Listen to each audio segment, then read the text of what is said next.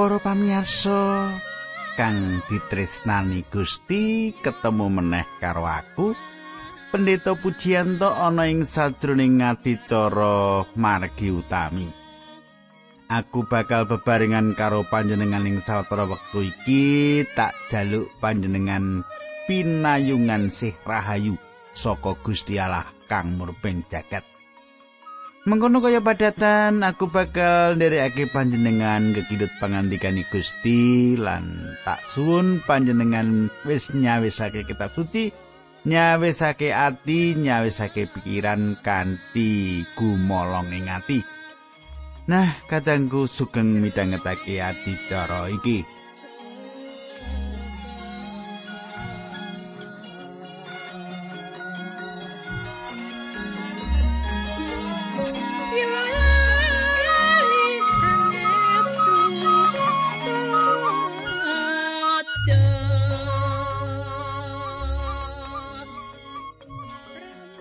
Kadangku apa panjenengan isi kelingan sing tak aturake nalika patemon kepungkur? Tak arep-arep panjenengan ijik kelingan kanthi mengkono mengkonek tak teruske panjenengan bisa nyambung. Luwih becik tak ringkes wae patemon kepungkur. Patemon kepungkur kita wis nyemak babagan sedulure Marta lan Maryam yaiku Lazarus wong kang ditresnani Gusti Yesus wis dikubur lawase patang dina. Nah, sak panjure kita bakal nerusake wulangan dina iki pasinan kita nanging sak turungi kuwi monggo kita tumungkul kita ndedonga bebarengan. Kanjeng Rama ing swarga ingkang kawula sambat seputi wonten ing asmanipun Gusti kawula Yesus Kristus. Kawula ngaturaken kuing panuwun menawi wekdal menika kawula saged tetunggilan kalian sedherek kawula ingkang setya midhangetaken adicara menika. Kawula nyuwun ing dinten menika wonten berkah enggal tumrap derek kawula menika. Dinambaran asmanipun Gusti kawula Yesus Kristus kawula tetunggal haleluya amin.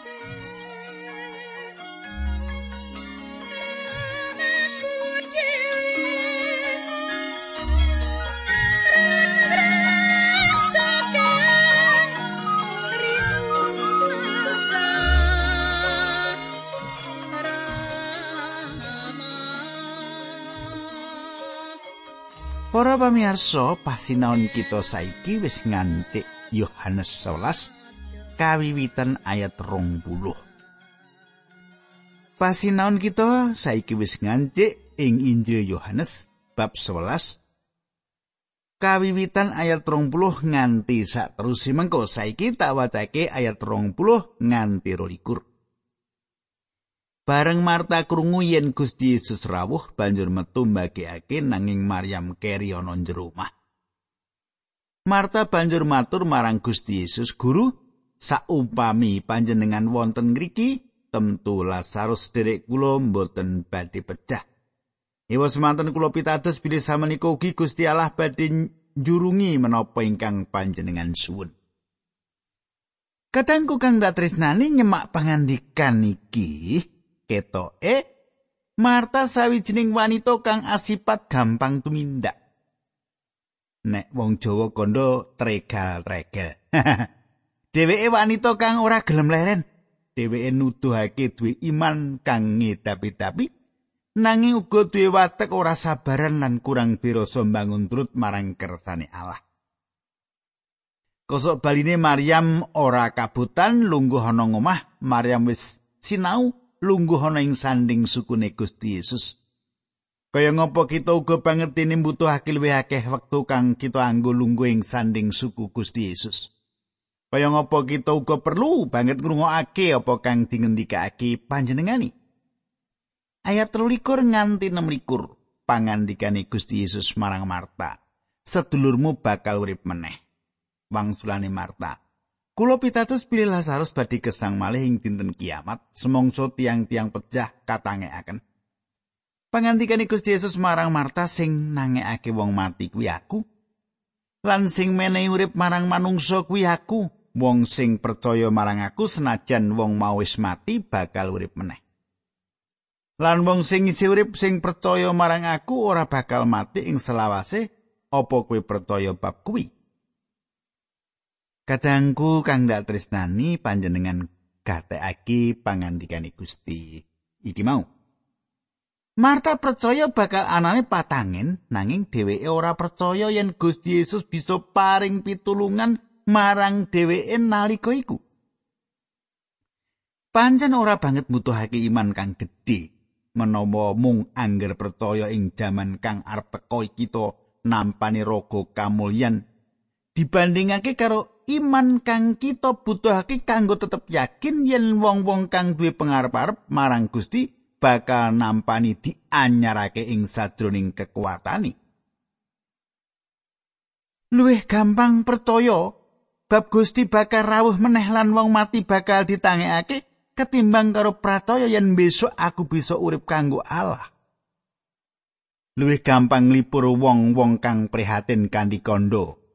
Ing sawijining wektu mengko kita bakal ketemu meneh karo dheweke. Patrap mengkono kuwi ora mbutuhake iman kang gedhe. Mbutuhake iman kang gedhe banget kanggo bisa kondo. Aku lagi wae kelangan wong kang banget ndak tresnani nanging aku dikuatake kanthi jaminan yen Allah bakal nganti aku lan panjenengane bakal nindakake kang paling apik kanggo aku. Kadangku Gusti Yesus ngendika marang Marta, sing nangekake wong mati kuwi aku lan sing menehi urip marang manungsa kuwi aku. Menawa kita duwe Gusti Yesus, kita duwe urip. Wong sing percaya marang aku senajan wong mau wis mati, nuduhake mati secara kasukman. sinajan wong iku mati secara kasukman bakal urip maneh ngono pangandikan moyo Sebanjure Gusti Yesus mirsani wektu kang bakal dilakoni lan paring pangandikan yen wong kang percaya marang panjenengan iku ora bakal mati. Urip kawiwitan nalika wong iku nampani sang juru wilujeng. Sing sapa urip lan percaya marang Gusti Yesus, wong iku ora bakal tau mati awet Gusti Yesus wis sedo kanggo wong iku. Tegese, wong iku ora bakal tau mati awet upah saka dosane. Wong iku ora bakal pisah karo Allah. Sebanjuri Gusti Yesus maringi pitakonan iki, apa kowe percaya bab kuwi? Tak teruske ayat pitulikur surasane. Wang sulane Marta. Guru, kula pitados pilih panjenengan menika putranipun Allah. Sang Kristus ingkang kautus rawing donya. Kadangku Marta atur pasekti kaya kang ditindakake dening Petrus. Marta paham yen Gusti Yesus pancen Sang Mesih. Saiki tak teruske ayat 12 nganti 31 mengkene surasane. Sawise matur mengkono Marta nuli ngundang Maryam, Mbak Yune serta dibisi. Guru wis rawuh lan nakokake kuwi. Bareng krungu mengkono Maryam nuli enggal-enggal ngadeg lan metokake Gusti Yesus. Nalika semono Gusti Yesus durung mlebet ing desa Betani nanging isih ana ing panggonan nalika ketemu karo Marta. Bareng wong-wong Yahudi sing lagi padha linggih ana ing omah nglipur Maryam, weruh Maryam ngadeg lan metu rerikatan nuli padha ngetutake sebab dikira arep bunga menyang kubur lan nangis ana ing kono. Kadangku senadyan Marta wis nyritakake marang Maryam alon-alon kabeh wong kang ana ing kono bakal ana ing kuburan. wong-wong mau ora ngerti yen Maryam sak benere arep nemoni Gusti Yesus. Ayat telung loro. Bareng Maryam tekan panggonane Gusti Yesus lan weruh panjenengane banjur jengkeng ana ngarsane sarta matur, "Guru, saupami panjenengan wonten ing mriki sederek kula mesti mboten pecah." Kadangku Nalika Gusti Yesus ana ing jagat iki panjenengane ngagem badan manungsa mula panjenengane winatesan secara geografis utawa kang magepokan karo bumi. Yen panjenengane ana ing kutha panjenengan, mula panjenengane ora bakal ana ing kuthaku. Yen Gusti Yesus ora nilar jagat iki, panjenengane ora bakal ngutus sang panglipur yaiku Sang Roh Suci. Nanging saiki sawise Sang Roh Suci tumurun, panjenengane bisa ana ngendi-endi kanthi wektu kang bebarengan. panjenengane saiki manunggal ing uripe saben wong percaya. Dadi Sang Roh Suci bisa ana ing ngendi wae ing ngendi aku ana, ana ngendi wae ing ngendi panjenengan ana, lan uga ana ing perangane liya ing jagat iki kanthi wektu kang bebarengan. Ayat telung puluh telu nganti telung puluh lima Yohanes 11 mengkene surasani. bareng pirsa Maryam nangis wong-wong Yahudi sing padha ngetutake ya padha nangis Gusti Yesus penggali ternyuh banget Panjenengane nuli dangu dikubur ngendi wangsulane sing padha didangu monggo Gusti menawi badhe pirsa Gusti Yesus nuli muwun Katengku menawa panjenengan kepengin ngerti kaya ngapa rasane Allah kekayutan karo matine wong kang panjenengan sihi. Panjenengan semak ayat iki. Gusti Yesus nuli muwun. Ing kene kita bisa nyemak Gusti Yesus ing sajroning kamanungsane. Panjenengane uga nakokake ngendi Lazarus dikubur. Ing kene kita bisa nyemak kepriye pamirsane Allah bab wong kang dikubur ing jaman iki. Panjenengane andadeke siji loh kagungane karo luwe mripat kita. Pati dudu sawijining kahanan kang indah. Ayat 36 lan 37 mengkene surasane. Temah wong-wong Yahudi padha muni, semono tresnane marang Lazarus, nanging ana uga sing muni panjenengane wis ngelekake mripate wong buta, yogene ora bisa nyegah patine Lazarus. Kadangku wong-wong Yahudi kurang gatekake perkara kang penting banget ing kene. Gusti Yesus nangis, ora kok awet panjenengane tresnani Lazarus, panjenengane ora nangisi wong kang mati. Gusti Yesus nangis kanggo wong-wong kang isih urip. Ayat telung puluh nganti petang puluh. Gusti Yesus tindak menyang kuburan karo ternyuh penggaliye kubur mau wujude kaya guwa sing ditutupi watu gedhe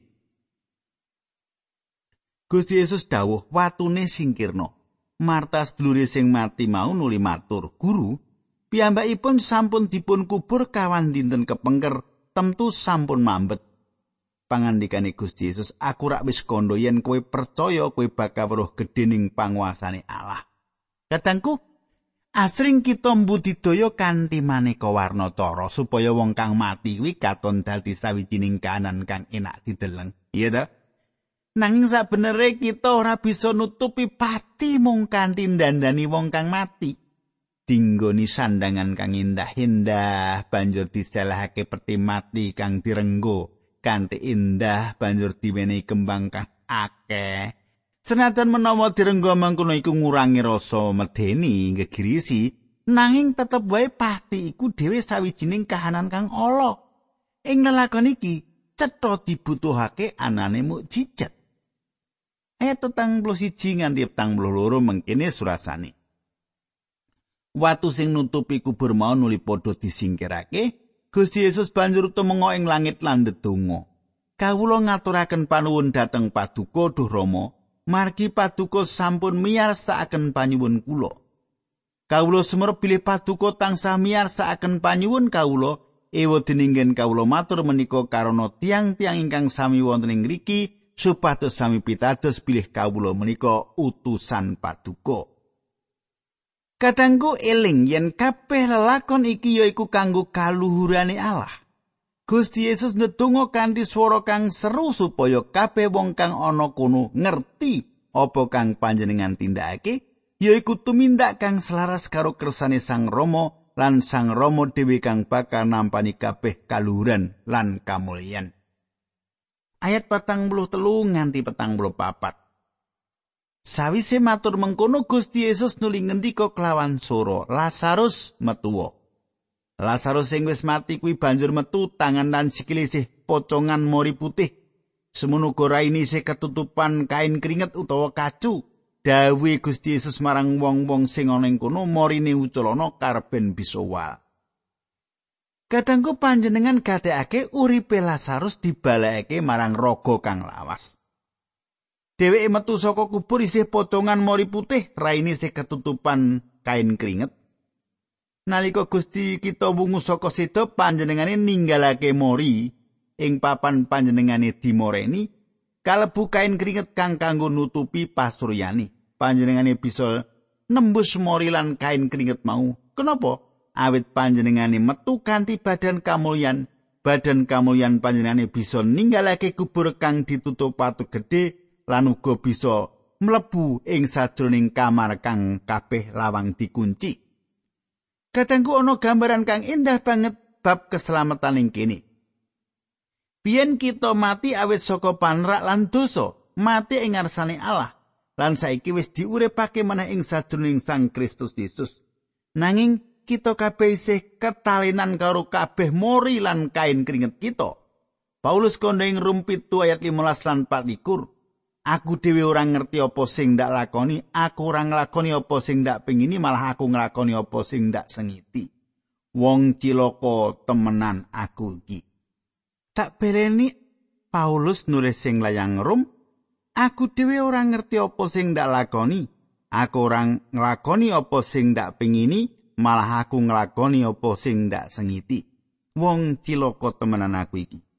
Tembung iki tembung saka wong kang wis pratoya. Gusti Yesus ngersakake supaya kita dimerdekake saka kabeh mori kuwi. Panjenengan ngendika, "Morine uculana karben bisa wal."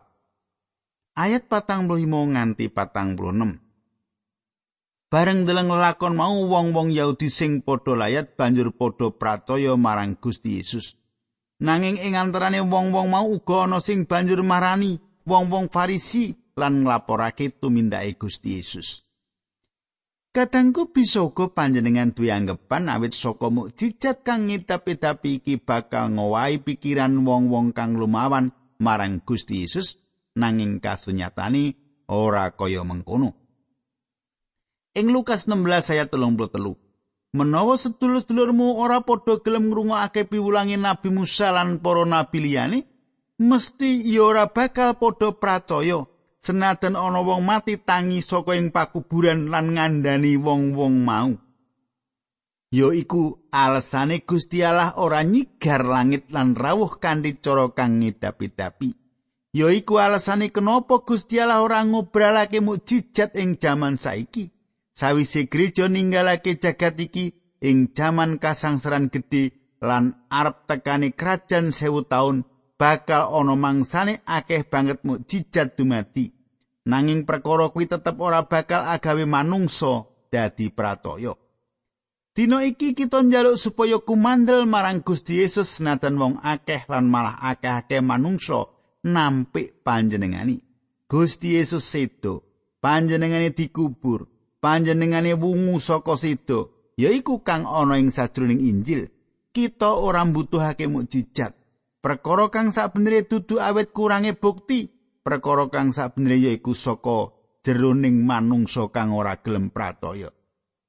Ayat 47. Mulane wong-wong Farisi lan para pengareping imam nuli padha nganakake parepatan karo Mahkamah Agama, wong-wong mau padha muni mengkene. Saiki apa sing kudu kita tindakake? Wong kuwi wis gawe mukjizat semono kae. Kadangku panjenengan bisa nyemak ing kene kang dadi sebab wong-wong sengit karo Gusti Yesus ora kok amarga kurange bukti. Wong-wong iku sawijining golongan kang dikuasani dening tindak Allah. Para imam kepala ing wektu iki akeh-akeh saka golongane Saduki kang kelebu liberal, kang ora percaya anane mukjizat lan perkara-perkara gaib kalebu babagan patangen. Wong-wong Farisi kalebu golongan kolot lan kalebu golongan politik kananing jaman semono. Loro golongan kuwi sabenere banget dening lelawanan lan congkrahaning sabarang dengah. Nanging golongan loro iku gabung bebarengan awit anggone sengit marang Gusti Yesus lan awit tekate anggone arep nyedani panjenengani. Ayat patang puluh yen dijarake mengkono terus wong kabeh bakal padha percaya marang dheweke kuwi pungkasane pemerintahan Rom bakal gempur pedalemane Allah lan bangsa Yahudi kabeh. Kadangku wong-wong mau wedi yen bakal ana wong akeh kang dadi pandhereke Gusti Yesus Kristus lan sabenere bakal nganakake revolusi. Revolusi kuwi tegese owawan tata keprajan kang dilandhesi pasulayan. Perkara kang kaya mengkono kuwi bakal menehi wewengan marang bangsa Rom kanggo ngukum wong-wong mau. Wong-wong mau nindakake mengkono atas landesan wedi. Rasa wedi kuwi kang dadi jalaran wong akeh ing jaman saiki padha ngedoh karo Gusti Yesus. Saiki kita terus ke patang songo nganti seket loro. Ing antarane wong-wong mau sing jenenge Kayapas ing taun kuwi dadi Imam Agung Kayapas mau muni kowe padha ora ngerti. Apa kowe ya padha ora sumrup yen kanggo keselamatane rakyat kabeh luwih becik yen wong siji sing mati ketimbang wong sak bangsa mati kabeh? Satemene kaya apa senggone muni mengkono mau ora saka karepe dhewe, nanging sarehne jumeneng Imam Agung ing taun kuwi meca nggone Gusti Yesus bakal sedo kanggo bangsa Yahudi kabeh. Malah ora mung kanggo bangsa Yahudi wae, nanging kanggo para putrane Allah kabeh sing sumebar ing endi supaya kakumpulake dadi siji. Kadangku sing ditresnani Gusti wong-wong mau mikirake kanthi tememen lan kondo yen Gusti Yesus kudu mati tinimbang kabeh bangsa sirna ing tangane wong Rom. Kita semak sawijining kahanan kang cleneh ing kene. Pameco kang tresih saka Kayapas awit dheweke Imam Agung ing taun kuwi. Kayapas yaiku wong politik kang kulino nggunakake maneka warna cara. Yen Kayapas duwe ganjaran bisa meco kita ora kena bingung. dheweke bisa mratelake pameca kang pas. Ayat 53 lan 54. Wiwit ing dina kuwi para panggedene bangsa Yahudi padha sekongkelan arep nyedani Gusti Yesus. Mulane Gusti Yesus ana ing tanah Yudea kono ora ngetok ing ngarepe wong akeh panjenengane nuli tindak saka tanah Yudea menyang kutha sing aran Efraim cedhak karo Ororo Samun panjenengane manggen ana ing kono karo para sekabati. Iki ya iki wiwitane saka mangsa pungkasan. Wong-wong kanthi blak-blakan nuduhake nggone mamungsuan lan budidaya kanggo nyedani Gusti Yesus. Ayat 55 nganti 57. Nalika semono wis meh riyaya Paskae wong Yahudi, akeh wong saka desa-desa padha menyang kutha Yerusalem arep nindakake pernatan sesuci Nalika wong-wong kabeh mau ana ing pedalemane Allah nuli padha goleki Gusti Yesus lan padha takon tinakon, "Saka pangiramu, kepriye wong kuwi mesti ora bakal nekani raya iki?" Para pengareping imam lan para wong Farisi wis padha andum perintah yen sapa wae sing weruh panggonane Gusti Yesus kudu lapor supaya kena dicekel. Kadangku wong akeh teka ana Yerusalem kanggo nyucikake awake sadurunge Paskah. Wong-wong padha takon tinakon apa Gusti Yesus uga bakal rawuh ing riyaya ing taun iku. Wong-wong ngerti yen golongan Sahandrin wis mbudidaya nyekel panjenengane ing wiwit iki Injil Yohanes ngancik sawijining perangan anyar. Kita lumebu minggu pungkasan saka sugenge Gusti Yesus ing jagat iki. Kadangku sak banjure kepiye perangan iki? Ora tak terus ke saiki, nanging tak terus ke dina candhake. Panjenengan kudu mesekake yen panjenengan dina candhake bakal bebarengan karo aku. Ayo kita ndedonga bebarengan. Duh Kanjeng Rama ing swarga, kawula ngaturaken gunging panuwun kawula sampun sinau saking pangandikan Patuko. Kawula pasrahaken derek kawula menika wonten ing astanipun Patuko linambaran asmanipun Gusti Yesus Kristus kawula ndedonga. Haleluya. Amin.